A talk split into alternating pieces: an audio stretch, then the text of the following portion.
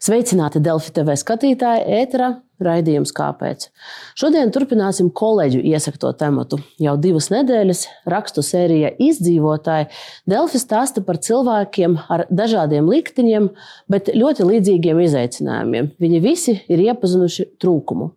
Par to, kas Latvijā tiek un kas netiek darīts, lai atrisinātu nabadzības problēmu, tūlīt arī diskutēsim.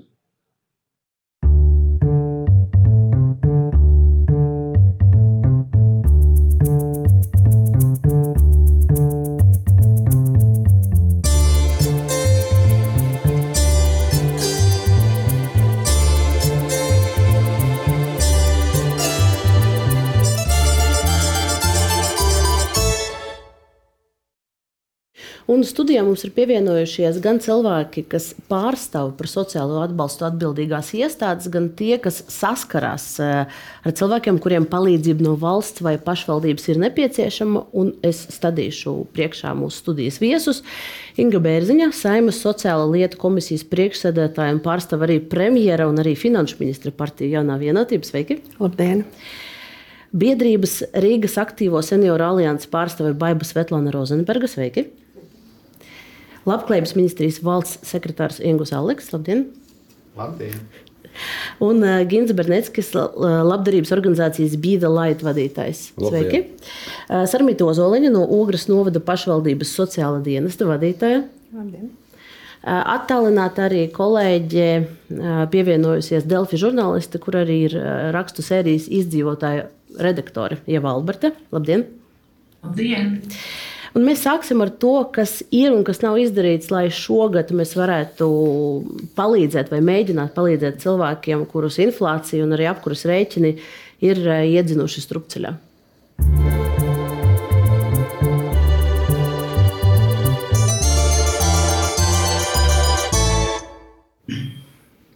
Kā jau minēju, daudzus stāstus šobrīd var lasīt eh, Delfi rakstu sēriju izdzīvotāji. Tur ir pavisam konkrēto cilvēku pieredzes. Eh, ne visi pēc valsts noteikumiem kvalificējas pabalstiem, ne visi arī piesakās, bet eh, aina ir diezgan. Nu, teiksim, tā ir, ir, ir grūti lasīt dažus no šiem stāstiem. Un pirmais mans jautājums ir, Ievai, kāpēc nolēmi veidot šo sēriju un jau arī ieskicēt tādus uh, secinājumus īsumā? Mm. Nu, es strādāju kā žurnāliste 20 gadus, un um, man šķiet, es esmu bijusi katrā Latvijas pagastā un ļoti daudz redzējusi cilvēkus, kuri dzīvo trūkumā. Un ir cilvēki, kurus es nevaru aizmirst. Un viens tāds gadījums bija, es intervēju skolu fotografu, kurš teica, ka Viņš ņem līdzi uz laukiem tādus plasmasas puķu podus, ko aizklāt priekšā bērnu zābakiem, jo tie zābaki ir cauri. Un tas bija gadus jau astoņus atpakaļ, bet es joprojām nevaru to aizmirst. Es domāju, kā tiem bērniem iet tagad, un vai, viņi, vai nav jauni tādi bērni. Un tad es to ieteicu kolēģiem. Saku, es uzskatu, ka ir jāraksta par to, kā iet cilvēkiem, kādas ir nabadzības sejas un visi bija par. Mums nebija grūti atrast cilvēkus, kuri klasificējas mūsu intervijai. intervijām, tāpēc ka tādu cilvēku vienkārši ļoti daudz. Mēs viņus atradām bez īpaši lielām grūtībām. Bija ļoti grūti viņus pierunāt, runāt, bet mums izdevās. Nu, es gribētu jautāt uh, Brunetska kungam, uh, nu, varbūt jūs īsumā varat izstāstīt par to pēdējo gadu, kad mēs visi piedzīvojam cenu kāpumu. Uh, ko jūs redzat savā darbā, ikdienā, un kā, kāda ir tie, nu, tā situācija kopumā? Nu, situācija kopumā es varbūt raksturošu ar vienu, tikai vienu faktu. Sākumā ir to, ka Cēsīs, pateicoties mūsu draugiem, biedrībai, labāk nāk rītdien, ir uzsākta zupas virtuve. Un pēdējā zupas virtuvē, kad tika izsniegts 194 porcijas, priekš cēsīm, kura nav liela pilsēta, pat pieļaujot domu, ka kāds šais pusdienas izmanto ļaunprātīgi, bet tomēr liela daļa cilvēki nespēja sev sagatavot siltas pusdienas. Arī mūsu pašu biedrība, kad mēs noliktavā dalām gan pārtiku, gan drēbes, Mēs katru reizi, kad atveram nolikto, mazākais cilvēku skaits, kas mūs apmeklē, ir 60. Bet tā vidējā pa 80 līdz 100 cilvēkiem katru to dienu, kad esam vaļā. Mēs esam trīs reizes nedēļā vaļā, un katru reizi nāk cilvēki pēc palīdzības. Agrāk, tad, kad vēl nebija, ši, nebija šie pēdējā gada laikā, tas stipri pieaudzis. Jo iepriekš mēs pārtikas pakas, teiksim, drēbes izsniedzām cilvēkiem, kur iepriekš mums piezvanīja, viņi atnāca uz noliktavu, un tie bija individuāli gadījumi nedēļā. Protams, ļoti ir ietekmējis arī karš Ukrajinā un Ukrāņu bēgļu skaits eh, cēsīs, kas tiešām nav mazs. Tā, tā kā mēs to palīdzību nedalām vai Ukrāņiem vai mūsu, līdz ar to tas skaits arī ir lielāks dēļ tā arī. Bet pieaug arī vietējo.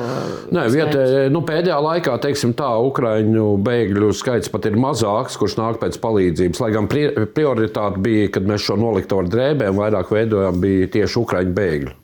Bet šobrīd tas procentuāli varētu būt 30, 70 eh, par labu latviešiem.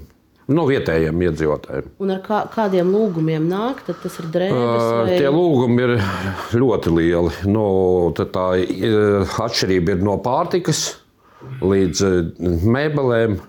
Principā, lūdzu, visu.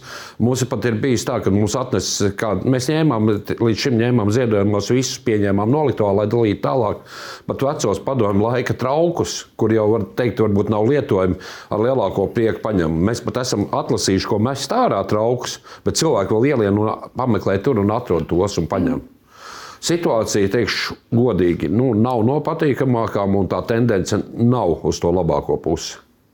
Ja mēs, ja mēs arī ja mēs skatāmies uz tiem lieliem datiem, tad uh, mēs varam uz ekrāna paskatīties tos starptautiskos mērījumus. Un, ja mēs salīdzinām Latviju, uh, tā tabula nav, nav ļoti pārskatāma, bet, uh, ja mēs salīdzinām Latviju ar citām Eiropas Savienības valstīm pēc nevienlīdzības, tāda Gini indeksa, tad mēs esam pašā, pašā augšā. Proti, Latvijas sabiedrība ir nevienlīdzīga. Arī, ja mēs skatāmies uz nabadzības rādītājiem, kā Mm, statistiski mēra nabadzību Eiropas Savienības līmenī, tad arī tur Latvija ir eh, pašā, pašā augšgalā. Tikai Rumānija un Bulgārija ir, eh, Rumānijā un Bulgārijā ir sliktāka situācija par mums. Eh, tad te droši vien ir jautājums jāadresē nu, Labklājības ministrijai, saimnes pārstāvjiem. Mēs redzam, gan statistiski, gan pēc cilvēku pieredzēm, situācija ir turpina būt nu, krīzē pēc būtības mēs atrodamies. Uh, šogad, šobrīd pie šī budžeta, kas notiek, lai, lai to kaut kādā veidā risinātu? Es iesākšu, varbūt, jā. Sākumā es gribēju pateikt paldies jums par šo rakstu sēriju izdzīvotāji. Es izlasīju tiešām visus stāstus gan par Ilonu, gan Vilni, gan Lauru. Un ir tā, kā jūs teicāt, ka dažkārt viņas ir grūti lasīt. Un um, ir tiešām gandarījums par to, ka cilvēkiem tomēr ir šī cerība un viņi cenšas savu dzīvi sakārtot. Uh, Bet ir nu, jāatzīst, ka Latvijā šī problēma ir. Un nav jau būtībā nemaz jālasa stāsti. Es ilgus gadus esmu strādājis Kultūrā un vadījis Kultūras novada pašvaldību, tad uh, mēs jau cilvēkus redzam sev bieži vien blakus kaimiņos, uh, kuriem ir vajadzīga palīdzība. Un es jums izstāstīšu, protams, vēl labāk Ingūns Staliks izstāstīs uh, par skaitļiem, kas ir paredzēti šī gada budžetā, bet tie skaitļi un nauda jau ir tikai nu, viena puse tam jautājumam manuprāt, ir nu, diezgan svarīgi arī tos cilvēkus saredzēt, sajust. Un man pat dažkārt liekas, ja mēs katrs sabiedrībā, kurš ir nu, nezinu, pārticis uzņemtos tādu kā mentoringu kaut vai par vienu vai diviem, ko viņš redz sev kaimiņos, tad jau kopā mēs dzīvot labāk. Bet, nu, tas, tas nenotiks šādā veidā. Jau ir skaidrs, ka sabiedrības palīdzība nestrādā, un tāpēc mēs jūs aicinājām, kā tieši valdošās partijas un Saimas sociālo un darbu lietu komisijas pārstāvji, lai runātu par to, ko jūs komisijā, ko jūs saimā varat uh, inicijēt, uzlabot, uh, mainīt likumus, lai, lai panāktu šo? Jā, nu mums kā reizes Sociālo un darba lietu komisijā arī nākamajā nedēļā mēs skatīsim valsts budžetu. Uh, tieši par labklājības jomu. Arī ministra Evika Siliņas kundze piedalīsies. Un, man tiešām ir gandarījums, ka šī gada budžetā ir izdevies atvēlēt finansējumu minimālo ienākumu sliekšņu paaugstināšanai vairāk kā 10 miljonus eiro.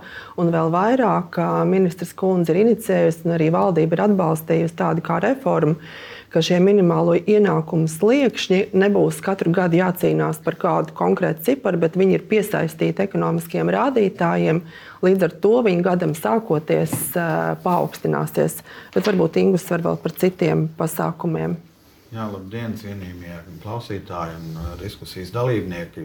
Jāpiekrīt, protams, ka mums nav izdevies pēdējo 15 gadu laikā būtiski uzlabot to Latvijas situāciju tajos statistikas rādītājos, ko jūs rādījāt. Bet tas nenozīmē, ka Labklājības ministrija mm, kopumā valdība nav raudzījusies uz šo nabadzības uh, mazināšanas problēmu un to minimālo ienākumu sliekšanu reformu kā pirmkārt jau sistēmisku problēmu un kā to varētu atrisināt. Un tas, ko Bērziņas kundze tikko minēja, tas īstenībā būs zināmā mērā tāds uh, sistēmisks uh, uzlabojums, ja pārkārtojums no tāda viedokļa, ka šie minimālā ienākuma sliekšņi, kas skar gan minimālās pensijas, gan sociālā nodrošinājuma pabalstu, gan garantētā minimālā ienākuma pabalstu, turpmāk atbilstīgi gan tam, ko satversmes tiesa pirms diviem gadiem lēma, gan ko mēs savos konceptuālajos dokumentos paredzējām, tiks pārskatīti katru gadu. Līdz šim tas bija zināmā mērā voluntārs lēmums, un patreizajā momentā ierakstīts vienkārši likumā, ka pabalstu minimālais slieksnis ir tāds, un pēc tam tas ir atkarīgs no valsts gribas un spējām tikai viņu palielināt. Šobrīd likumā tiks nostiprināts tas, ka pirmkārt šie minimālā ienākuma sliekšņi ir piesaistīti 20% no vidējo mājsaimniecību ienākumiem. Un, Otrakārt, katru gadu 1. janvārī šie sliekšņi tiek pārskatīti. Ja tā sakot, ekonomika aug, ienākuma aug, līdz ar to aug arī šo minimālo ienākumu sliekšņu apmēri. Te gan jārunā, ja mēs runājam absolūtos skaitļos, tad šis pieaugums ir ļoti, ļoti mazs. Mēs varam parādīt vienu infografiku, kur mēs salīdzinājām to, kas 21. gadā tika uzskatīts. Mm, tā nav īstais režģījums, pateikšu, bet nākamo es, es gribēju paskatīties. Tas, kas uh, 21. gadā tika uzskatīts par nabadzības slieksni, un tas ir 513 eiro ienākumi vienam cilvēkam. Un, ja mēs salīdzinām to, kas ir tā, tas minimālais ienākums, kas ir pietiekoši zems, lai cilvēki kvalificētos trūcīgā statusam, kas paredz dažādus atbalstus, kas tiešām var nu, uzturēt cilvēku, tie ir 313 eiro. Proti, ir tā, tā bedra ir 200 eiro starp, starp jā, reālo nabadzības slieksni un, un šo iespēju jā, pieteikties. Tā, tas ir monetārais atbalsts tīri pašai, pašai, pašai neatliekamākai vajadzībai pārtiks nodrošināšanai šie 125 eiro. Mums jāatcerās, ka kopš, tiešām arī kopš gan satversmes tiesas sprieduma, gan kopš pēdējām reformām mums ir obligāti ieviestais arī mājokļu pabalsts, kuru mums ir jā, nu, ja tā nedrīkst teikt, jāskaita klāt, bet arī vēl papildus jāņem vērā. Un cilvēkam tomēr šajā gadījumā tiek saskaitīti kopā visi tie sociālā atbalsta veidi, gan monetārie, gan arī pakalpojumu veidā, lai mēs varētu raudzīties uz to, vai un kādā bet veidā viņam tiek tiek palīdzēts. Jā, es, es jums piekrītu, tiešām tur varētu arī citādi skaistīties. Bet tas ir būtiskākā lieta, ko jā, iespējams, ka var diskutēt par šīs liekšņa paaugstināšanu, bet nevienā valstī monetārais atbalsts, jeb naudiskā izteiksmē šis atbalsts arī tajās kur tā situācija ir labāka, netiek veikts eh, pie nabadzības sliekšņa 60% no maisaimniecības ienākuma, jo to vienkārši pārējā sabiedrības daļa, lai varētu nodrošināt monetārā izteiksmē 513 eiro atbalstu visiem tiem, kuriem tā sakot, tie ienākumi to nesasniedz, tas vienkārši nav iespējams. Okay, tad nodrošināt atbalstu pie, bet šīs atbalsts, lai cilvēks eh, kvalificētos trūcīgā statusā, runa jau nav par pabalstiem. Runa ir par to, ka tāda... šis līmenis arī tiek katru gadu pārskatīts. Un, un trūcīgā statusā šis ir pārskatītais trūcīguma līmenis 313 būs pārskatītais. Jā, no nākošā gada, bet no, no šī gada 1. jūlijā. No šī gada, jā, no šī gada 1. jūlijā. Jūlijā. Jūlijā bet es varēju, gribēju papildināt, ka attiecībā uz mājokļu pabalstu šie sliekšņi ir augstākie. Ja es pareizi atceros, 327 pirmai personai. Un, nu, jā, jūs zināt šo skaitļus otrai personai. Jā, ja ģimenē ir vairāki, līdz ar to, kā jau Alikungs teica, ir tā, ka nu, teiksim, uz mājokļu pabalstu vai atbalstam mājoklim var pieteikties lielāks skaits iedzīvotāju. Nav jābūt noteikti trūcīgam vai maznodrošinātam. Un tur, un tur ir jājautā, jo šīs, šīs slieksnis, kur mājokļa pabalstam proti, ne visi skatītāji varbūt zina, bet runa ir par komunālo rēķinu pēc būtības apmaksu no pašvaldības puses.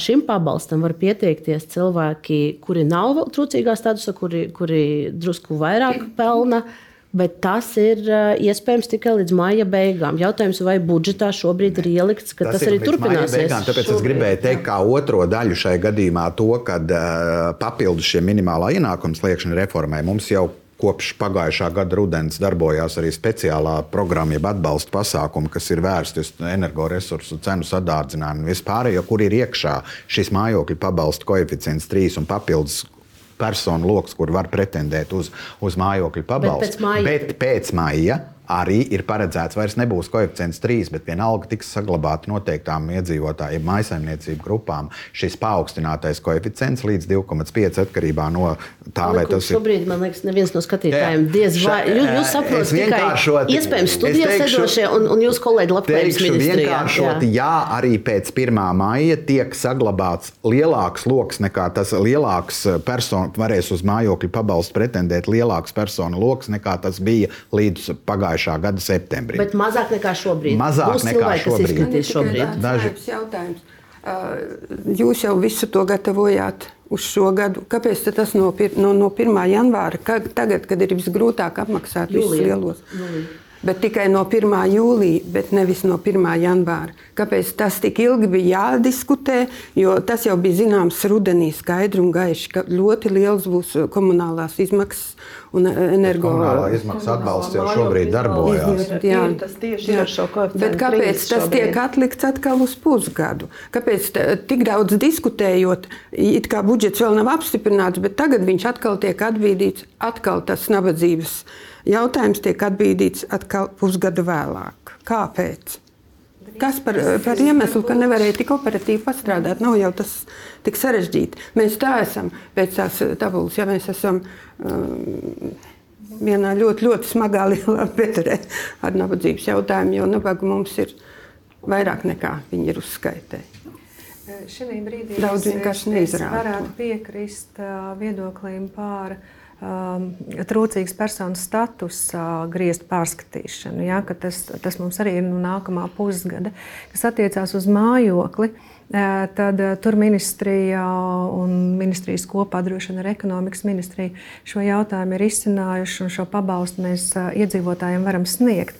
Bez tam ir jāsaprot, ka mājokļa pabalsts ir paplašinātākā jēdzienā. Jā, agrāk mājokļa pabalsti bija komunālie maksājumi, tad šobrīd arī pie rēķiniem iet klāt gan mobilā telefona sakari, jā, gan, gan gāzes patēriņa aprēķins un, un principā ļoti daudzas lietas, arī internets, jā, kas kādreiz nebija. Un tas, ka tomēr ir paplašināts šis iedzīvotāju lokus, kurš var saņemt šo pabalstu, tas tomēr sasniedz mērķi šobrīd. Tā kā nu, šī jautājumā man ir jāsaka paldies par atbalstu, tieši kas saistās ar mājokļu pabalstu. Vēl, vēl ja paturpinot arī par mājokļu pabalstu, līdz šim tā pieeja bija patiešām diezgan nevienlīdzīga visā valstī un arī nevienlīdzīga attiecībā pret cilvēku. Jo, kā mēs zinām, arī mājokļu pabalsta rēķini ir ļoti, ļoti dažādi. Un cilvēki dzīvo dažādās maisaimniecībās. Viena maisaimniecība īrē, Citiem tas ir privāti īpašums, citiem tas ir pašvaldības īpašums. Un līdz ar to arī tie, tie aprēķini, kāda bija kādreiz pašvaldībās, nu, viņi tomēr bija nevienlīdzīgi. Šobrīd viņi ir vienlīdzīgi visā Latvijā, un nu, tas tā kā bišķītiņi tomēr palīdz tiem mūsu iedzīvotājiem. Es varētu mazliet papildināt attiecībā uz to mājokļu pabalstu. Neskatoties uz to, ka mēs redzam, ka daudz vairāk cilvēku saņem mājokļu pabalstu, un šis skaitlis pat ir dubultojies, 3, vai, vai jā, dubultojies nekā teiksim, 2022. gada sākumā, un kā tas ir šobrīd. Neskatoties uz to, ir vienalga cilvēki, kuri nezina to. Un, nu, tā reāli ir. Tāpēc man liekas, diezgan svarīgi arī par to runāt un stāstīt kā jūs teicāt, nevis ar nesaprotamiem skaitļiem, bet vienkārši, ka cilvēkus, ja viņam šķiet, ka viņš nevar samaksāt rēķinus, ka viņš var iet uz pašvaldības sociālo dienestu. Un sociālais dienas noteikti izvērtēs un palīdzēs eh, šajā gadījumā. Par to komunikāciju ar sociālo dienestu mēs noteikti runāsim, vai tiešām tas tā notiek un, un, eh, un visos gadījumos eh, var dabūt šo palīdzību. Bet es gribētu ļoti īsi atgriezties pie šī mājokļa pabalsta, kas daudziem tiešām šobrīd ir liels atsvars. Un te ir jautājums, jūs esat aprēķinājuši, nu, cik ir to cilvēku, kuri šobrīd kvalificējas mājokļu pabalstam, bet pēc uh, 31. maija vairs nekvalificēsies. Nē, tur nav ļoti liela ietekme. Tā, sakot, tā ka Kristos šis uh, pabalstu saņēmēju lokus tur ir tikai 0,5% no tā, ja šobrīd ir 3%. Šobrīd, ja cilvēkam, ja viņš dzīvo viens, uh, paliek pēc rēķina nomaksas 340 eiro, Tā, tikai tad viņš kvalificēs. Ja vairāk, vairs nē. Jautājums, jā, nu, kāds brīdī, tur ir atlikums šobrīd? Brīdī, ja viņam būs ar 1. jūliju paaugstināsies šis slieksnis realitātē, un līdz ar to viņam pie 2,5% koeficienta tīri matemātiski nekas nemainīsies. Tas sanāks tāpat. Apmēram. Es droši vien gribēju ievu iesaistīt tad, tas, ko mēs dzirdējām, ka lūk, pabalsts sasniedz, sasniedz mērķi, var aiziet uz sociālo dienestu un, un tad kaut ko dabūt un sarunāt. Kas ir, vai tas atbilst tam, ko, ko tu novēroji, nu, rediģējot un rakstot šos rakstus? Nē, šie cilvēki, lielākā daļa no mūsu intervijiem, negāja sociālo dienestu, tāpēc ka nu, tur ir Tie ir pretī augsti cilvēki. Ir ļoti grūti saņemties vispār kādam padalīties ar to, ka es nevaru nomaksāt rēķinu. Man tiem cilvēkiem ir kauns. Viņi neprasa pat saviem, savām meitām un dēliem, kur nu viņi ies uz sociālo dienestu prasīt, kur pretī ir. Nu, man ir bijusi pieredze pašai. Es iegāju vienā pašvaldības sociālajā dienestā, noskaidrot jautājumu par vienu savu intervējumu. Es gribēju iet ārā vienkārši tā augstprātība, kas tur ir. Tas aptuveni nu, ir ļoti daudz siltu darbinieku, sociālu darbinieku, kur dara lielisku darbu un ārpus darba laika. Bet ir tādi, kur tu atver durvis un tu gribi viņus aizvērt. Jo tas nav tas cilvēks, kam izstāstīt, jo pēc tam viss pagasts zinās. Vai, vai no jums ir arī līdzīgs? Jā? Es gribētu mazliet pakomentēt. Es domāju, ka liela problēma sociālo dienestu darbinieku attieksme ir, kad viņi paši ir noguruši no tās birokrātijas, kas viņiem daudz ir jāpilda.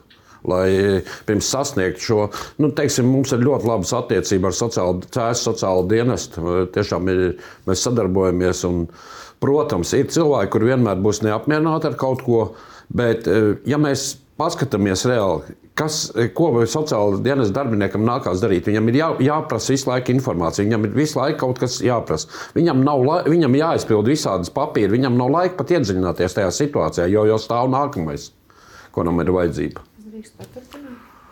Jā, Jā mhm. Runājot par sociālo dienestu, protams, kā jebkuram profesijas pārstāvim, man arī sāpīgi dzirdēt uh, kritiku uh, attiecībā uh, darbinieku darbu un par sociālā dienesta darbu. Bet varu teikt, ka sociālie darbinieki, nu, kā jebkurā profesijā, ir cilvēciskais faktors. Ja? Un, uh, mēs arī esam dažādi, un sociālajie darbinieki nav visi izteisti pēc vienotā parauga. Bet ir jāsaprot, tiešām, ka sociālo darbinieku Latvijā trūkst ļoti katastrofāli. Viņu trūkst, viņu nav. Uz doto brīdi mēs patiešām ļoti strādājam ar, nu, tā gribās teikt, seniem darbiniekiem, kas, kas jau tiešām ir sava darba fanāti un viņi tur strādā. Jauno ienāk ļoti, ļoti maz. Katrā sociālajā dienestā gandrīz ir milzīgas vakances. Es varu runāt par savu sociālo dienestu. Mums šobrīd ir sešas sociālā darbinieka vakances. Sociālais darbinieks ir tas, kurš ir pirmais kurš sadzird pilnīgi visu, gan negācijas no valsts, ko viņi uzskata, ja? gan negācijas par pašvaldību, gan par mazajām pensijām, gan par visu. Sociālais darbinieks ir pirmais, kurš to visu sadzird. Un es galīgi negribētu piekrist tam, ka uh, darbinieki ir neiejūtīgi un kad uh, nu, ka tur nevar ieiet un kad, eh, ka tā nebūs. Tas varbūt ir atsevišķi kaut kādi gadījumi. Bet es aicinātu iedzīvotāju, kas ir griezies sociālajā dienestā, viņam ir pilnīgas tiesības izvēlēties citu darbinieku, pie kura iet, ja viņam nav bijusi komunikācija. Un bez paša darbinieka nodeļu vadītāji un vadītāji, kur griezties. Jo nu, es varu tiešām likt roku uz sirds un teikt, ka, piemēram, mūsu darbinieki nežēlo ne dienas, ne naktis, ne brīvdienas, ne svētku dienas un neskaita stundas un neprasa, kas man par to būs. Neskatoties uz to, ka liela daļa no sociālajiem darbiniekiem Ja, piemēram, ir sociālā darbinieca, kura viena pati audzina vairākus bērnus, viņa pati ir traktējama kā maznodrošināta persona, kas arī ir pilnīgs absurds. Paldies, ka šobrīd arī mēs esam sadzirdēti mūsu pašvaldībā, un tomēr darbiniekiem ir rasta iespēja palielināt atalgojumu, bet arī tā nav normāla situācija. Un tie paši mūsu darbinieki ir arī pakļauti tieši tām pašām gan ekonomiskajām, gan sociālajām problēmām, kā jebkurš cits iedzīvotājs. Un mums nav burvju nūjiņas, kuras mēs uzreiz varam nu, mainīt visas situācijas. Nu, Burvju nu, viņas nav, bet noteikti ir sistēmiski kaut kas, kas ir uzlabojams. Bet es gribēju Rozenbergas kundzei pajautāt, eh, daudzos eh, rakstos šajā sērijā mēs redzējām cilvēkus, kuri saka, ka viņi negrib iet. Un tie arī bija pensijas vecuma cilvēki, kuriem bija Nu, viņiem bija dažādi iemesli, kāpēc viņi neprasa palīdzību sociālajiem dienestam. Varbūt jūs varat no savas perspektīvas. Es pārstāvu arī uh, Latvijas, Eiropas pretnabadzības tīkla Latvijas filiāli. Man ir deleģējuši 28 NVO. Uh, līdzdalību ņemt labklājības ministrijā uh, kontrolēt un, un, un skatīties, kā pareizi tiek izlietota Eiro, lielā Eiropas Savienības palīdzība tieši šīs pārtikas paku un um, higiēnas paku, un bērnu palīdzības paku un, un zīdaiņu paku, kas ir vispār ļoti, ļoti vajadzīga. Mūsu valsts nebūtu spējīga to naudu izdalīt. Un, un, un, un, un vienkārši kontaktējieties ar citiem NVO. Šī kontekstā es gribētu vēlreiz akceptēt to jautājumu, kad ir ļoti daudz, daudz bērnu ģimenes mums. Viņi savuka to skaits, man liekas, savuka cilvēki tagad tiešām saprot, ka vajag bērnus, vajag un vairāk ģimenē. Viņas tās nabaga mātes ir tik aizņemtas, ka viņas nevar katru kvartālu izsteigāt. Tās izziņas noformēt, saņemt. Vairāk kārt mēs esam griezušies Rīgas domas labklājības departamentā. Viņi bija pie mums arī rasā.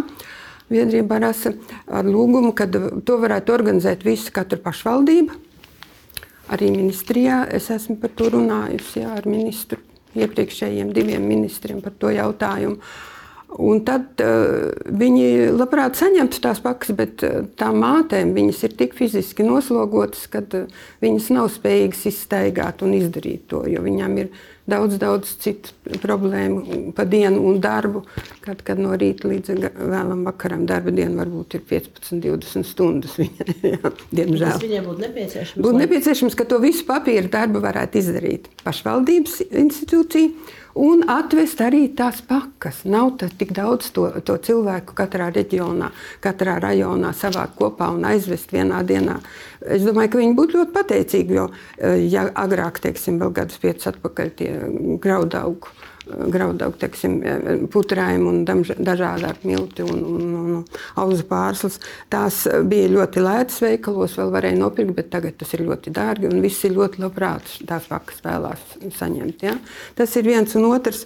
Protams, mm, tie pārpa 7 miljonu eiro ko piešķir Eiropas Savienība katru, katru gadu nedaudz vairāk, ņemot vērā inflāciju būtu jāiztērē ļoti ekonomiski, pareizi un demokrātiski. Nu, nevarētu būt tā, ka no 13. gada vienas un tās pašas firmas uzvar konkursos labklājības ministrijā. Par to es vairāk kārt šīs komisijās runājot, fonda komisijās sēdēs. Par to jautājumu vienmēr esmu vērsus uzmanību uz to.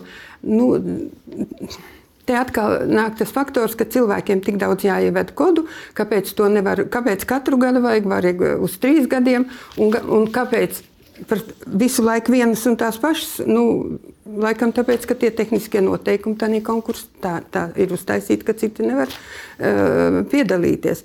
Tas būtu jautājums. Es domāju, ka daudz lielākas un varbūt arī vairāk nedaudz būtu to, to produktu, jo. Nu, Latvijas monopols šajā jautājumā, kas ražo šo produkciju, nu, viņš diktēs savu dobils. Zirnavnieks, ja? Viņš jau tagad nopircis tik daudz, vēl nopircis pēdējo padomu laikā, bija tāds sarkanais oktobris. Tas ir hercogs tagad. Jā.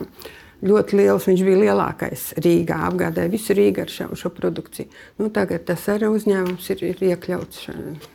Nu, par iepirkumiem tur gan apgabals ministrijā jāatbild. Nu, jā, par, tas par ir jautājums, redzēju, kas arī ir aktuāls, jo uh, cenas uh, noteikti iet uz leju, ja katrs savas produkcijas katru gadu dod, jo tas ir garantēta apmaksa. Tā ir Eiropas nauda. Un jo vairāk vajadzētu ļoti ekonomiski. Es šajā gadījumā pilnīgi noraidu jau kādus pārmetumus par to, ka te ir atsevišķas firmas vai vēl kādas lietas. Šos iepirkumus visus pārbauda arī noteiktās revīzijas iestādes un vispārējais. Un pirmkārt, to dara Sociālās integrācijas fonds. Labklājības ministrija ir eh, vienkārši tīri visu šī atbalsta fonda pāraudzītājs. Bet es noraidu, ka te būtu jau kādā veidā, ja tā doma bija, ka kaut kas ne tur, ne tā, to visu var pārbaudīt. Paldies. Uh, par pakāpēm es gribēju. Uh, ir tāda, mēs ar ko saskaramies, ir interesanti. Viss jau ir labi. Tās pakas tiek, viena problēma ir tajā, ka tās pakas tiek reizēm izdalītas vienreiz nedēļā. Un cilvēkiem ir noteiktā laikā jāatnāk. Arī.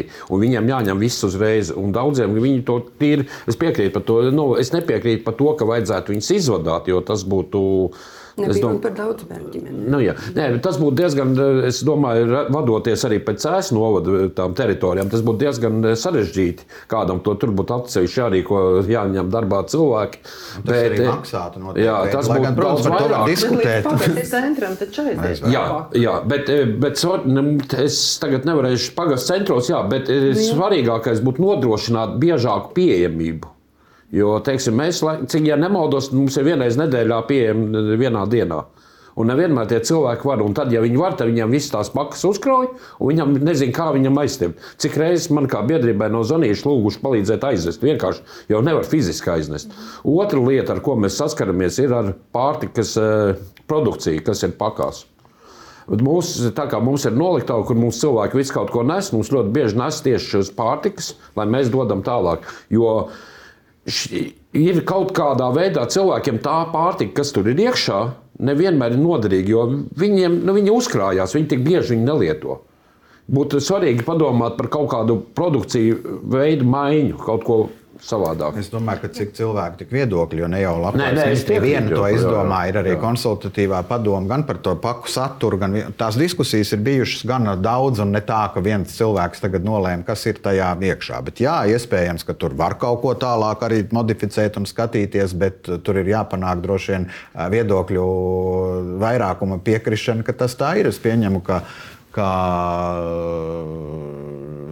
tie viedokļi ir dažādi, un viņi var arī atšķirties. Nu, jānonāk pie kaut kāda kopsaucēja. Tas vienkārši ir tā, ka mēs saskaramies reāli ar, tām, eh, ar to, ka cilvēks atnāk. Viņš saka, man jau šie milti ir mājās pilns, bet man varētu varbūt kaut kādu sieru iedot. Teiksim. Nu, pieņem... Sieras tur tajā pakā visticamāk nevarēs nē, būt. Nu, jā, jā, es, nē, es, es, es to sieru kā piemēru. Es jā, pieņemu, jā. ka visticamāk par šo var tālāk arī diskutēt, un tas nav akmenī iecirst lieta. Bet, jā, bet runājot par pakām, drīkst mazliet uz trim gadiem, un visu laiku viens un tās pašas firmas. Tāpēc jau bija tik vienveidīgs tas pakas saturs. Ir. Runājot par pārtiks pakām, jā, nu, teiksim, vērojami, ja mēs atgriežamies atpakaļ pagātnē, tad, kad sākās tās pakas, un apskatāmies to paku saturu un apskatāmies šī brīža paku saturu, protams, ka viņš ir daudz lielāks un kvalitatīvāks. Kādreiz nebija arī higiēnas pakas, tagad nāk klāt, un arī bērniņiem šīs zīdaiņu pakas, vai ne, kas, teiksim, ir atkal diezgan liels atbalsts.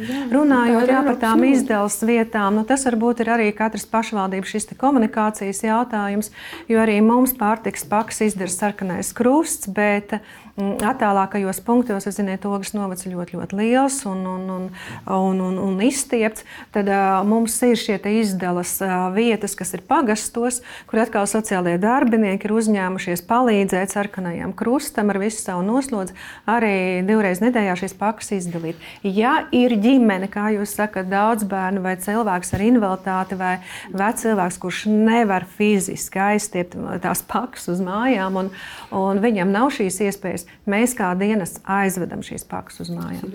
Man, man, es, es atļaušos pārtraukt, jo man, man no režijas ziņo, ka mūsu attālinātajai viesņai Ievai Albertai ir jautājums, ko viņa gribēja labklājības ministrijai uzdot. Lūdzu, Ieva. Alika kungs, man ir jautājums, tad, kad jūs aizbraucat uz, nezinu, uz Briseli vai uz kādu konferenci starptautisku, kurš prasa jums, kāpēc Latvija ir tik zemu šajos rādītājos? Kāda ir tā īsā atbilde, kā jūs skaidrojat?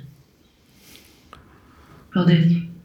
Nu, mums vispār valsts budžeta ieņēmumi kopumā pret to, kā, kā citas Eiropas valstis var izdalīt, ir nu, īstenībā zemāki nekā citur Eiropā. Un arī tā, tā, tā nauda, ko mēs varam sociālās aizsardzības sistēmai savukārt, eh, sociālās aizsardzības sistēmas dalībniekiem izdalīt, nu, arī salīdzinot ar Eiropu, tomēr nav tādā līmenī kā Eiropā. Mēs esam lēnām ceļā uz to, lai mēs vismaz tā sakot, tiem vidējiem rādītājiem tuvinātos, bet, nu, diemžēl, tā situācija ir tāda. Mēs arī sistēmiski, vēlreiz tās divas lietas, ko es nosaucu, gan par minimālā ienākuma slieksni, gan par specifisko atbalstu, nu, nesam tā, tā sakot, beidzamajā Eiropas Savienības tālākas attīstības pakaļgalā. Nu, jācer, ka ar to, tiem soļiem, kurus mēs speram, mēs pēc kāda brīža tomēr varbūt tās savas pozīcijas uzlabosim.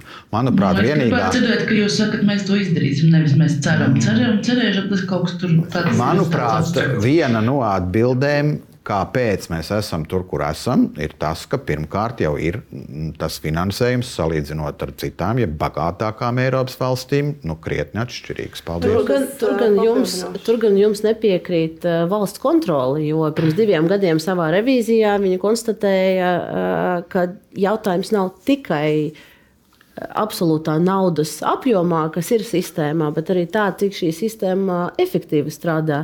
Un tas ir, tas ir tālākais, par ko mēs gribējām parunāt, jo šis nav tikai valsts kontrolas secinājums, par to ir runājusi gan, gan Latvijas banka, gan tiesības sargs, arī par to, to pašu ir minējis. Un, un mums ir atlicis vēl nedaudz laika reidījumā. Es tiešām no tāda mikro līmeņa gribētu vēl atkal mazliet lielu bildi paskatīties, kā strādā šī sistēma un vai tur viss ir salāgots.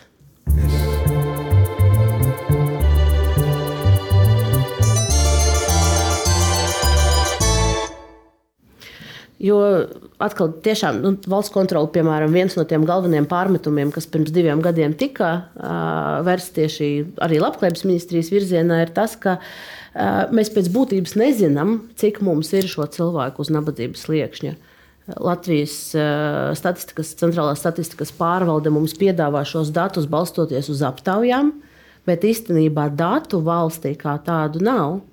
Un, attiecīgi, nu, valsts arī nevar plānot šos resursus, un šo datu joprojām nav. Es nepiekrītu. Tur nebija. Tur bija arī nianses, ko valsts kontrole norādīja. Mums datu par to, cik ir trūcīgas un maznodrošinātas personas ir, jo tā, to, tos datus apkopo.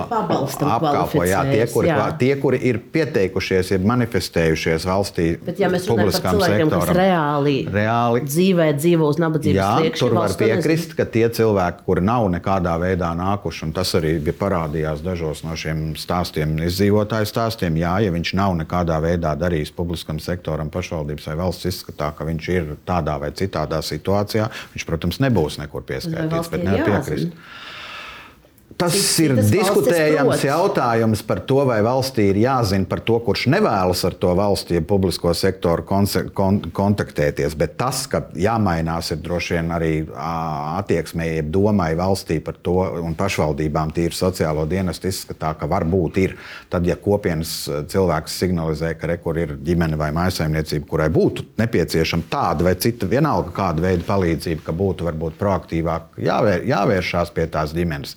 Jā, jā, bet nu, arī tās situācijas ir dažādas, kad cilvēks un ģimene saka, es tiešām neko no šīs uh, publiskā sektora nevēlos. Tur viņš nav tik balts vai melns, vai pateikt, ka tiešām jāuzliek tagad par pienākumu ir, ir uh, palīdzēt ģimenei, kur to nevēlas, bet tas, ka varbūt proaktīvāk varētu uh, raudzīties, mēs gan nevarēsim tuvākajā laikā valsts līmenī saskaitīt to maisaimniecību un pateikt, ka te ir trūcīgs personas maisaimniecība, bet pašvaldība to jau šobrīd, ja cilvēks vēršās vai ir kāds kontakts, pašvaldība to jau redz šodien.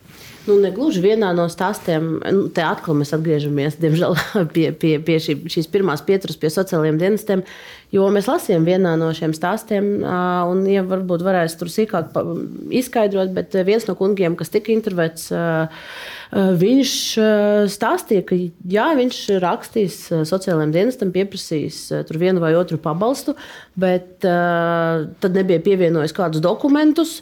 Un vēlāk viņš nav arī dzirdējis, ka viņam nav, ne, nav ticis paskaidrots, ka lūk, lūdzu, pievienojiet tur rēķinus vai vēl kaut ko, lai jūs varētu šo saņemt. Vismaz tā ir tāda konkrēta situācija. Konkrēto, bet, bet tur, jau, tur jau šajā brīdī tas cilvēks ir kontaktējies ar to sociālo dienestu, un tur droši vien atkal ir, kā Ozolins kundze teica, tas uh, cilvēciskais faktors vai kontakts, kāpēc nav nonācis. Es nevarēšu konkrēti atbildēt tā, bet Protams, tajā brīdī, jā. ja viņš ir nonācis tā sociālā dienesta redzes punktā un zina, kāda, kas ir tā problēma, kas ir risināma, nu, tad droši vien uzstājīgāk ir jāiet otrreiz un jāpieklauvē otrreiz. Un, kā jau teicu, vai nu jāmaina tas uh, sociālais darbinieks, kas ir pretī, un kad ar to man neiznāk uh, sastrādāties, vai nu, jāmeklē vēl kādi citi ceļi. Bet tajā brīdī jau cilvēks vairs nav pazudis. Te drīzāk es sapratu no jums to, ko darīt ar to, kurš it kā kuram būtu jābūt redzeslokā, ja to palīdzību var saņemt, bet viņš nav ne, ne kādos no publiskiem reģistriem par to, ka viņš ir trūcīgs vai, vai maz nodrošināts, ne ka viņš tā sakot, vispār ir teicis, ka viņš kaut ko no valsts vēlās.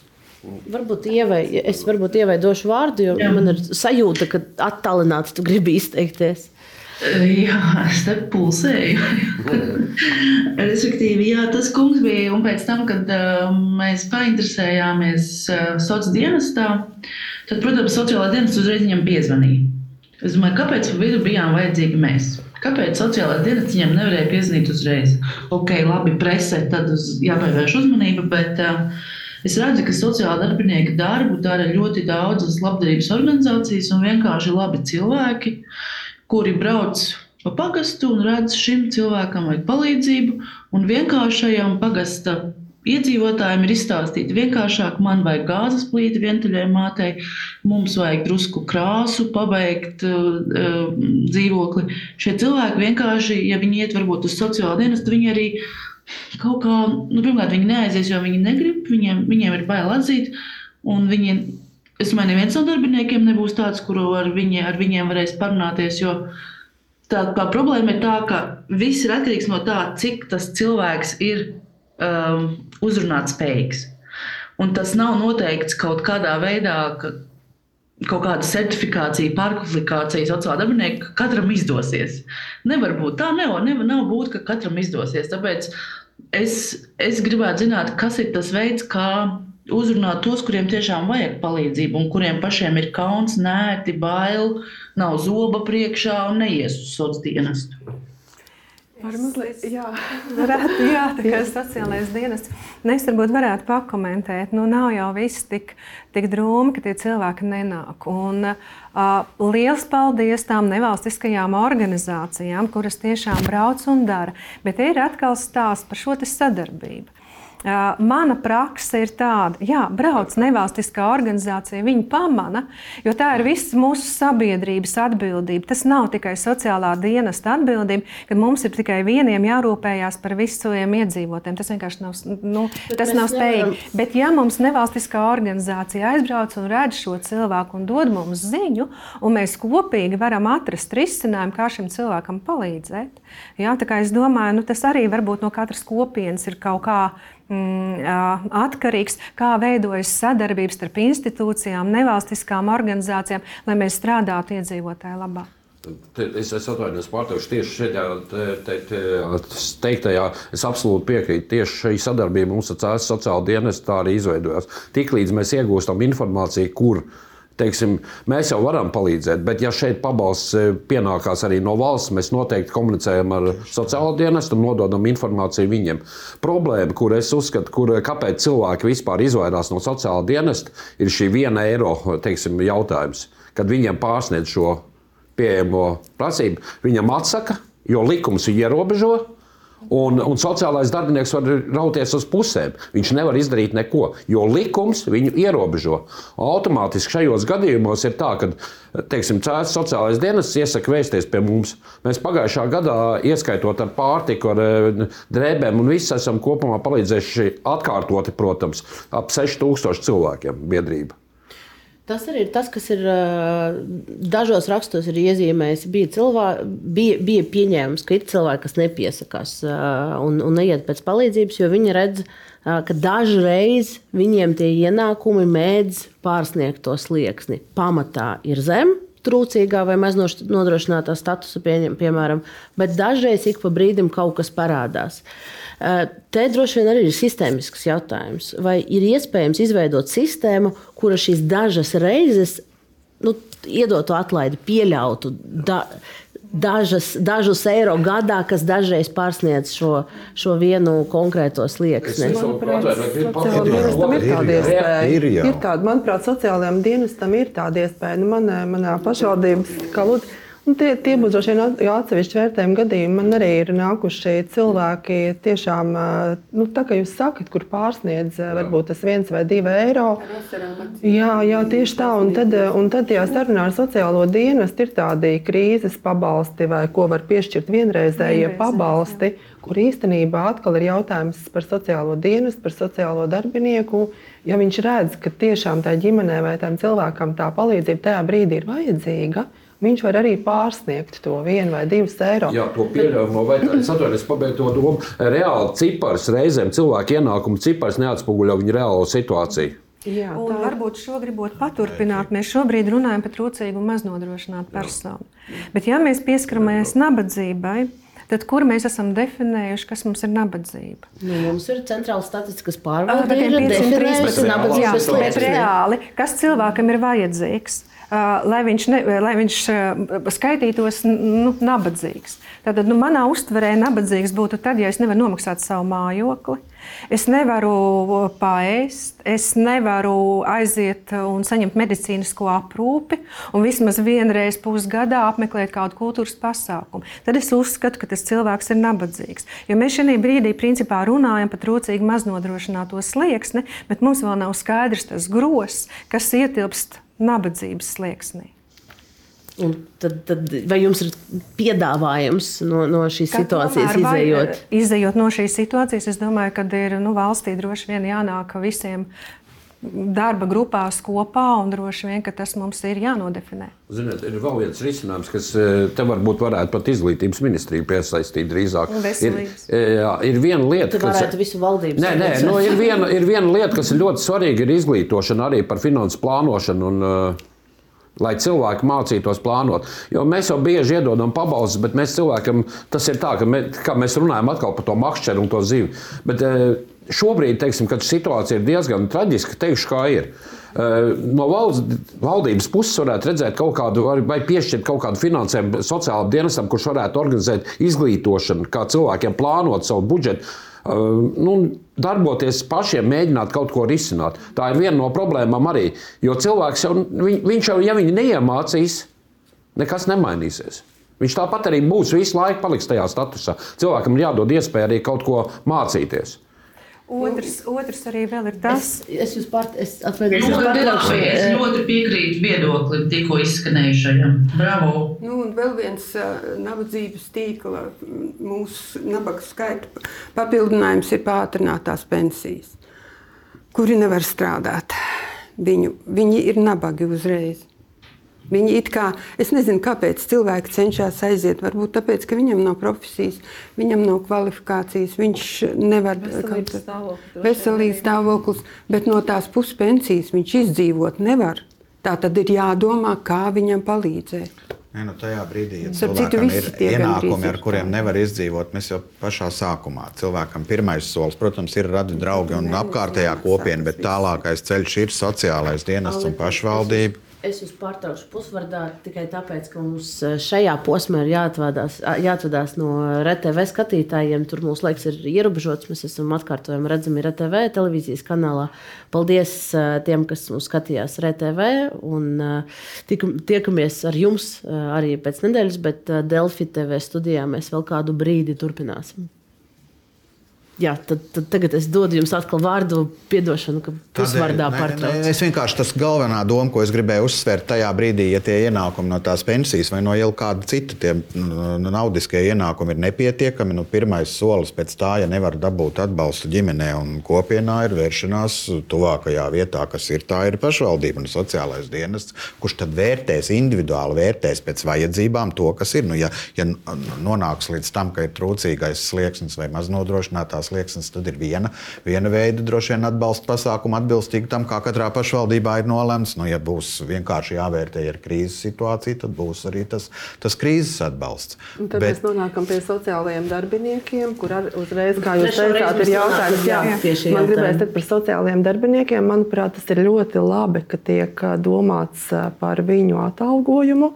Tā ir arī viena no ministrijas šī gada prioritātēm, un arī, kā jūs teicāt, arī pašvaldībās. Jo klausoties visu, nu ir svarīgi celt to sociālā darbinieka prestižu, celt viņa prasmes, viņa spēju uh, tiešām cilvēkiem palīdzēt, jo jums ir taisnība, pie esošā atalgojuma bieži vien tas pats sociālais darbinieks var nonākt situācijā, ka viņam ir vajadzīga tā palīdzība, un kā viņš var palīdzēt citam, ja viņam pašam ir vajadzīga. Bet jūs palīdzība. minējat, ka Labklājības ministrijai šogad sociāla darbinieku atalgojums ir prioritāte, tad jautājums, kāda ir tā izaugsma algai? Nu, vēl, vēlreiz, te tomēr jānodala divas lietas. Sociālajie darbinieki pašvaldībās tiek finansēti, ja viņiem algas maksā pašvaldība. Bet, jā, mums ir daļa no finansējuma jau daļa, no valsts. Daļa arī. valstī uh, pašvaldību darbiniekiem nē, bet mums ir arī uh, sociālajie darbinieki, kas strādā valsts institūcijās. Tur arī šajā gadījumā nā, ar 1. aprili tiks nodrošināts tas, kā valdība ir nolēmusi, ka visi saņems atbilstīgi vienotai atlīdzības sistēmai vismaz minimālo skalā paredzēto atalgojumu kā kurai mēneša algu grupai. Mēs esam pagājušajā gadā izcīnījuši, un to gan mēs kopīgi darījām. Mēs esam izcīnījuši, ka sociālajie darbinieki un sociālā darba speciālisti tomēr ir novērtēti adekvāti, jeb šajā vienotā atalgojuma sistēmā šīs eh, mēneša algu grupas ir eh, nu, adekvātāks nekā tas bija līdz šim. Bet kā, kāda ir tā alga, jo mēs runājām par, par šo situāciju? Šo gadu, kad ministrija rada iespēju sociālajiem darbiniekiem piemaksāt meditācijas, Ļoti cerējām uz šo gadu, diemžēl, diemžēl nav. Jā, bet nu, tas bija bijis arī motivators sociālajiem darbiniekiem. Bet es, es tomēr gribu kaut kādu, varbūt, lai es pieņemu, ka ne visi skatītāji jā, zina šo situāciju, cik bija tās jā, algas aptuveni un cik palielinājās. Ir grūti jums šobrīd atbildēt, jo šobrīd droši vien tā tad ir. ir amatālu klasifikatorā, kurā ir noteikti šis zemākais līmenis un, un, un mazāks. Es varu pateikt par savu darbinieku atalgojumu. Jā, jā, līdz šim tas bija no 800 līdz 1000 eiro. Tad šo, šogad mūsu. I, i, i, bruto. bruto. Nu, pirms nodokļu nomaksas. Šogad ir palielināta alga par, par 200 eiro. Bet es zinu pašvaldības, kur joprojām vēl sociālajiem darbiniekiem ir saglabājušās zem 1000 eiro pirms nodokļu nomaksas. Nu, Labklājības ministrija ir savu iespēju robežās arī pagājušajā rudenī rakstījusi vēstules pašvaldībām, ne sociālajiem dienestiem, bet pašvaldību vadītājiem, uzsverot to lomu un domu un paskaidrojot arī, ka patreizajā momentā pēc šī vienotā algu kataloga ir iespēja šo uh, sociālo darbinieku un arī bāriņties darbinieku atalgojumu celt. Nu, tas, protams, ir atkarīgs no katras pašvaldības prioritātēm, rocības un iespējām. Cik, mēs, cik mums ir atpakaļsaiti, tad liela daļa pašvaldību tomēr sociālajiem darbiniekiem šo atalgojumu ir palielinājuši. Es varbūt tās novirzīju, gribēju pabeigt par to krīzes pabalstu. Mēs, mhm. mēs saskaramies ar to krīzes pabalstu. Cilvēks aiziet uz to krīzes pabalstu, bet ja viņam nemainās ienākumi, viņam krīzes pabalsts būs jau atkal pēc divām Jā. nedēļām. Vai atkārtot viņam to izsniegs? Neviens. Jā. Viņu izsniedz vienreiz, varbūt. Un šī brīdī es varbūt gribēju mm, paturpināt. Mēs šobrīd runājam par finansiālo stāvokli, bet mēs nerunājam par cēloņiem. Kas tajās ģimenēs ir novedis pie tā, ka viņi šobrīd atrodas tādā situācijā? Ja, un, un tie cēloņi ir daudz un dažādi. Tas ir gan izglītības līmenis līmenis. Gan izprausties. Jā, drīkst izprausties. Tad, kad mēs veidojām šo sēriju, mēs ļoti labi zinājām, kas ir tās sociālās grupas, kurās nabadzība caurvīja gadiem. Daudz bērnu ģimene, vientuļās mammas, vientuļais pensionārs, īpašie bērni. Šīs ir grupas, kas nemainīgi cieš no nabadzības. Tas nav mūsu izdomājums, tas ir caurskatīts sākot ar nu, Guardiānas publikāciju, beidzot ar Ziedot LV kuri un citām labdarības organizācijām, kuras saka, šīs ir tās grupas, kuras visbiežāk mums lūdz naudu, un tur nepietiek kādā reizē ar krīzes pabalstu. Protams, šogad janvārī viņiem iet vēl grūtāk. Bet, bet... Un te es arī varu piekrist, arī teiksim, pēc mūsu pagājušā gada statistikas. Tātad lielākais pabalstu saņēmēju skaits ir tieši, tieši pensionāri vai sociālā nu, nodrošinājuma pabalstu saņēmēji. Uh, otra lielākā grupa ir pilngadīgas personas darbspējīgā vecumā. Jā, un tad ir, protams, ģimenes ar bērniem. Jā. Es, es, varu, kā... jā, es gribēju papildināt par to, ka jūs teicāt, arī tajos izdzīvotāju rakstos daudzos bija, ja cilvēks nu, kautrējās un negrib iet uz to sociālo dienestu.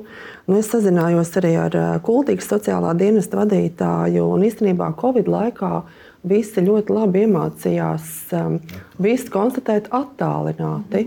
Un tā, manuprāt, arī cilvēkiem būtu iespēja, ka viņam nav jāiet. Nu, nevar gluži, es saprotu, elektroniski visu iesniegt, bet telefonu sarunā tomēr, lai viņiem nav jāiet obligāti uz dienestu, tas ir iespējams, jo Covid laikā tas notika. Bet šobrīd ir tomēr jāiet. Nu, viss, ir viss jāiet, bet, īst, bet īstenībā to varētu praktizēt tiem cilvēkiem, kuriem tā ir, nu, tas ir sarežģīti izdarīt. Droši vien tos ogres sociālā dienesta vadītāji. Jā, jā, viņi varētu, varētu to kārtot telefoniski arī tad, ja to nevar visu no datubāzēm iegūt. Redziet, lieta tā, jā, kad es šajā gadījumā varu piekrist, ka nu, cilvēki cilvēkiem ir emocionāli grūti pārkāpt tas, ka nu, es eju uz sociālo dienestu, tā tad es esmu. Nu, uh, Nu, teiksim, tas ir nabaks. Jā, jā. kā uz maniem paskatīsies. Jā. Bet nu, te ir atkal tas, ka droši vien kopīgi ir jāveic diezgan liels izglītojošs darbs sabiedrībā, jo ne visi sociālā dienesta klienti, piedošana ir trūcīgi, maz nodrošināti un vēl. Mēs strādājam ar ļoti lielu iedzīvotāju grupu, un ne visi viņi ir uh, trūcīgi maz nodrošināti. Jo sociālais dienas nodrošina ne tikai materiālo palīdzību, bet arī nodrošina ļoti daudz dažādas pakalpojumus. Un arī ļoti turīgām uh, ģimenēm ir ļoti daudz sociālu problēmu, kuras viņi nāk risināt sociālajā dienestā. Es gribu papildināt, jā, tieši tā, kad ir e, viena brīža, kad mūs pārmet teiksim, tam sociālajam dienestam vai arī mums biedrībai, kāpēc mēs nesniedzam palīdzību vai ko. Bet e, es teiksim, kā biedrības vadītājs, esmu atteicis palīdzību ģimenēm, kur es redzu, ka tur ir notie, nauda ir ienāk, bet viņi nemāk izlietot, vai viņi tiek automātiski nodzerti. Arī tādos gadījumos mēs, protams, iespēju robežā, ja tur ir bērni, tad viņiem palīdzam. Jā.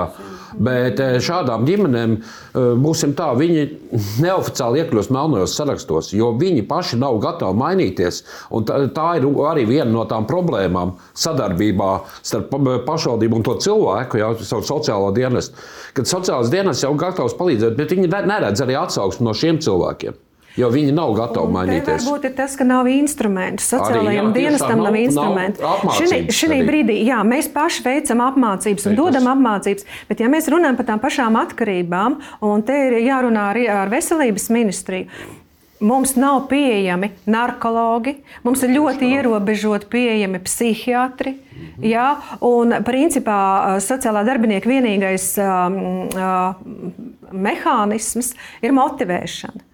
Cik ilgi mēs varam motivēt, ja mums nedodam priekšā kaut ko? Un te ir atkal jautājums par to, jā, tad veselības nozara speciālisti, izglītības programmas, pakalpojumi, kur mums diezgan strauji Latvijā attīstās dažādi veidi pakalpojumi, bet, protams, pakalpojumus vajag aizvien vairāk. Un te ir tas, ka te jānotiek arī atvesaļošana tai ģimenei, jo, protams, tas ir kā caurā maisā, jā, jo mēs dodam un tā naudiņa aiziet ne tur. Es domāju, šo jautājumu gan varētu uzdot ne tikai ves, ne, neklāt esošai veselības ministrijai, bet arī gan Labklājības ministrijas pārstāvjiem, gan no Sociālo eh, lietu komisijas saimas. Eh, psihiatri, narkologi akūti nepieciešami pašvaldībās, lai, lai motivētu, lai izvērtētu, lai saprastu, lai strādātu ar tiem cilvēkiem, ar kuriem ir nepieciešamas nu, speciālas zināšanas, lai viņus motivētu.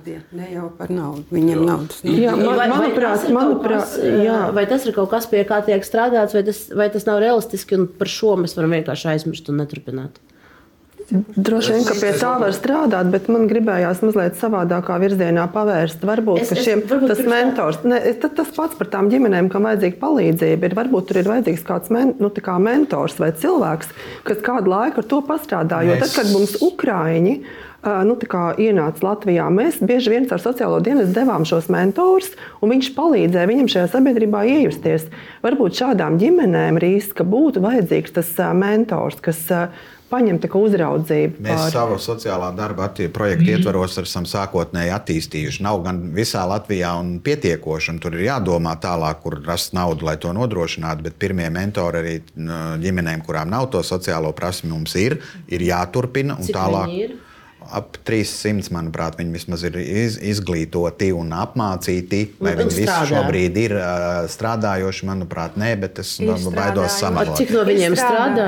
Nu, Cik no viņiem strādā? noteikti strādā. Nu, simts uz visu Es valsti. ne, negribu, ne, jā, ļoti nu, jā, es vēlreiz saku, jāturpina. Jā, Bet jūs sakat, jāturpina, bet jautājums jums, kā labklājības ministrijas pārstāvim, tad, ko jūs šobrīd darat, lai Mēs turpinātu? šobrīd uh, apmaksājam, uh, apmācam šos asistentus kā tādus, un no projekta arī apmaksājam. Mēs esam iesniedzām iepriekšējā šajā gadā uz politikas prioritātēm. Diemžēl uz 24. gadu mēs to naudu pagaidām vēl dabūjuši nesam. Nu, domāsim, kādā veidā pārliecināt lēmumu pieņēmējus par to, ka tas ir pasākums, kuram nu, droši vien to publisko naudu žēlot nevar. Bet cik mentoros jūs esat, cik, cik mentoriem jūs esat pieprasījuši šos līdzekļus, lai viņi varētu strādāt? Vismaz tiem, kas bija apmācīti. Ā, lai Trīs- vismaz tie tiem, 300 tu varētu strādāt. jā.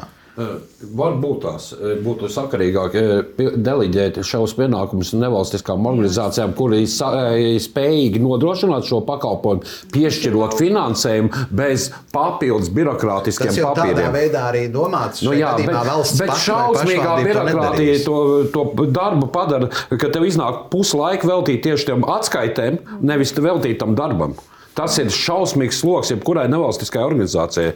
Es eh, nesen paņē- piesaistījos divos projektos, un tie bija pēdējie projekti, kurā kā biedrība mēs iesaistījāmies. Jo mēs noteikti atteiksimies sadarboties kaut kādā ņemt līdzfinansējumu, pieņemu, jo tas ir Tas ir šausmīgs kāds no struktūra fondu projektiem, kur arī, protams, ir iespējama droši vien tālākai bir- debri- debirokratizācijai, ja tā drīkst teikt. Bet, Bet būtu vēlams, ļoti. eh, ir skaidrs, ka mums arī atsevišķās lietās un vietās, kā savukārt politikas plānotājiem, tie, tie pasākumi, kas ir saistīti ar to projektu ieviešanu, nevisai patīk. Nu, mēs mēģinām ietekmēt tā, lai to vienkāršot. Ir, reizēm ir izdevies, nu, reizēm jāturpina. Runājot par ģimenes asistentiem, mūsu dienestā ir izgājušas divas personas šos ģimenes asistentu apmācības, kas, ko organizē Labklājības ministrija, un šobrīd izies vēl divi. Eh, Jā, bet tie ir mūsu štata darbinieki, un ja mēs šobrīd runājam par projektiem un par to, cik viņi ir smagnēji un birokrātiski, tad jāteic, ka šī gadījumā gan viņi ir diezgan vienkārši, jo tāpēc, tas ir eh, orientēts uz pašvaldības darbiniekiem, un eh, nu, jā, mēs izmantojam šo iespēju. Un, līdz ar to sociālajam darbiniekam būs strādāt vieglāk, jo viņam ir palīgs.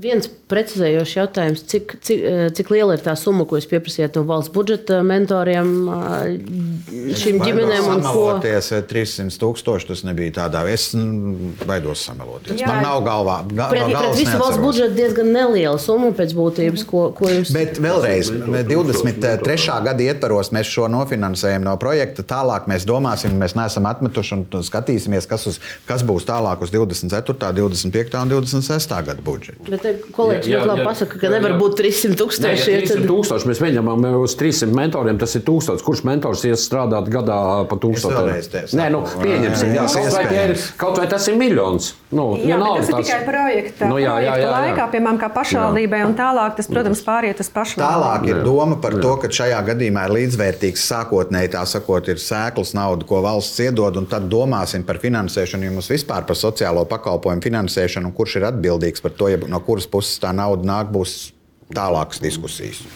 T- Pie, šī, pie šī, šīs, šīs diskusijas sadaļas man ir jāsaka, ka mūsu laiks jau pēc būtības ir, ir, ir beidzies, bet es gribētu tomēr kā pēdējo vārdu dot trim cilvēkiem, kas ir runājuši par nabadzību, strādā ar cilvēkiem, kas ir pakļauti nabadzības riskam no nevalstiskā sektora mēdījiem. Un es gribēju jums katram, varbūt arī, arī ievai, uzdot jautājumu, kas ir tas. eh, teiksim, tā, ja jums būtu jāizvēlas viens svarīgākais darbs vai, vai pārmaiņas, kuras vai nu valstī, vai nu pašvaldības līmenī ir teiksim, šogad, ir jāveic, ko jūs izvēlētos, kas jūsuprāt situāciju uzlabotu praktiskā līmenī, sistēmiskā līmenī, jebkādā. Mēs varam ar jums sākt. Uh, nu, es teikšu tā, es, es jebkurā gadījumā šobrīd laikam tomēr nosvēršos par izglītīšanu. Izglītošanu tieši cilvēku izglītošanu visos jomās, kā pašam plānot. Jo cilvēkam arī jāuzņemās līdzatbildība par lēmumiem. Nevar visu novelt arī teiksim, tā uz pašvaldību un valsti. Un līdz ar to šobrīd teiksim, tas galvenais, ko es redzētu, ir valsts atbalsts tieši izglītošanā, cilvēku izglītošanā, kā tikt galā ar savām problēmām, teiksim, finansiāli un visām pārējām. Nu, bez tam bez tādas izglītošanas arī vajadzētu informatīvo tādu posmu pašvaldībai un valstī, pašvaldībām un valstī organizēt, izskaidrojot mierīgi, bez kādiem tur um, likumu pantiem, bet uh, vienkāršā tekstā izskaidrojot, kādas pabalstu veidus, cik bieži, kā tas jādara. Par to vispār. Jo likumu lasot, piemēram, man ir augstākā izglītība, un es māku izlasīt. Bet tie, kas saņem to, tie nelasa tos likumus. Un paskatoties uz to, viņš neko nesaprot. Tur. Jo, jo biežāk presē, rādio ir tīpaši pirmais, otrais. Viņš taču mājās skan visiem cauru dienu eh, pensionāriem, senioriem un, un, un eh, vecākiem cilvēkiem. Nu, visi to klausīsies, un es domāju, aktīvāk griezīsies arī tad, uh, attiecīgos dienestos, lai varētu saņemt to palīdzību. Viņi nezina, kur iet, kā iet, kā tas jādara, cik daudz tas ir. Ja viņi sapratīs to, kāpēc ne viņi aizies tik daudz, jau tas nav sarežģīti aiziet. Ja viņi zina, ko prasīt, bet viņi jau nezina. Ieva?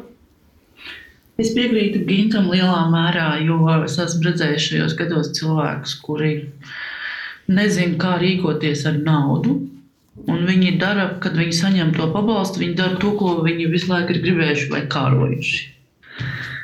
Ātri brauc vai dārga kosmētika vai vēl kaut kas, un tad nav ko bērnam ēst. Un tad jānāk un jāprasa vēlreiz. Protams, šādu cilvēku ļoti maz.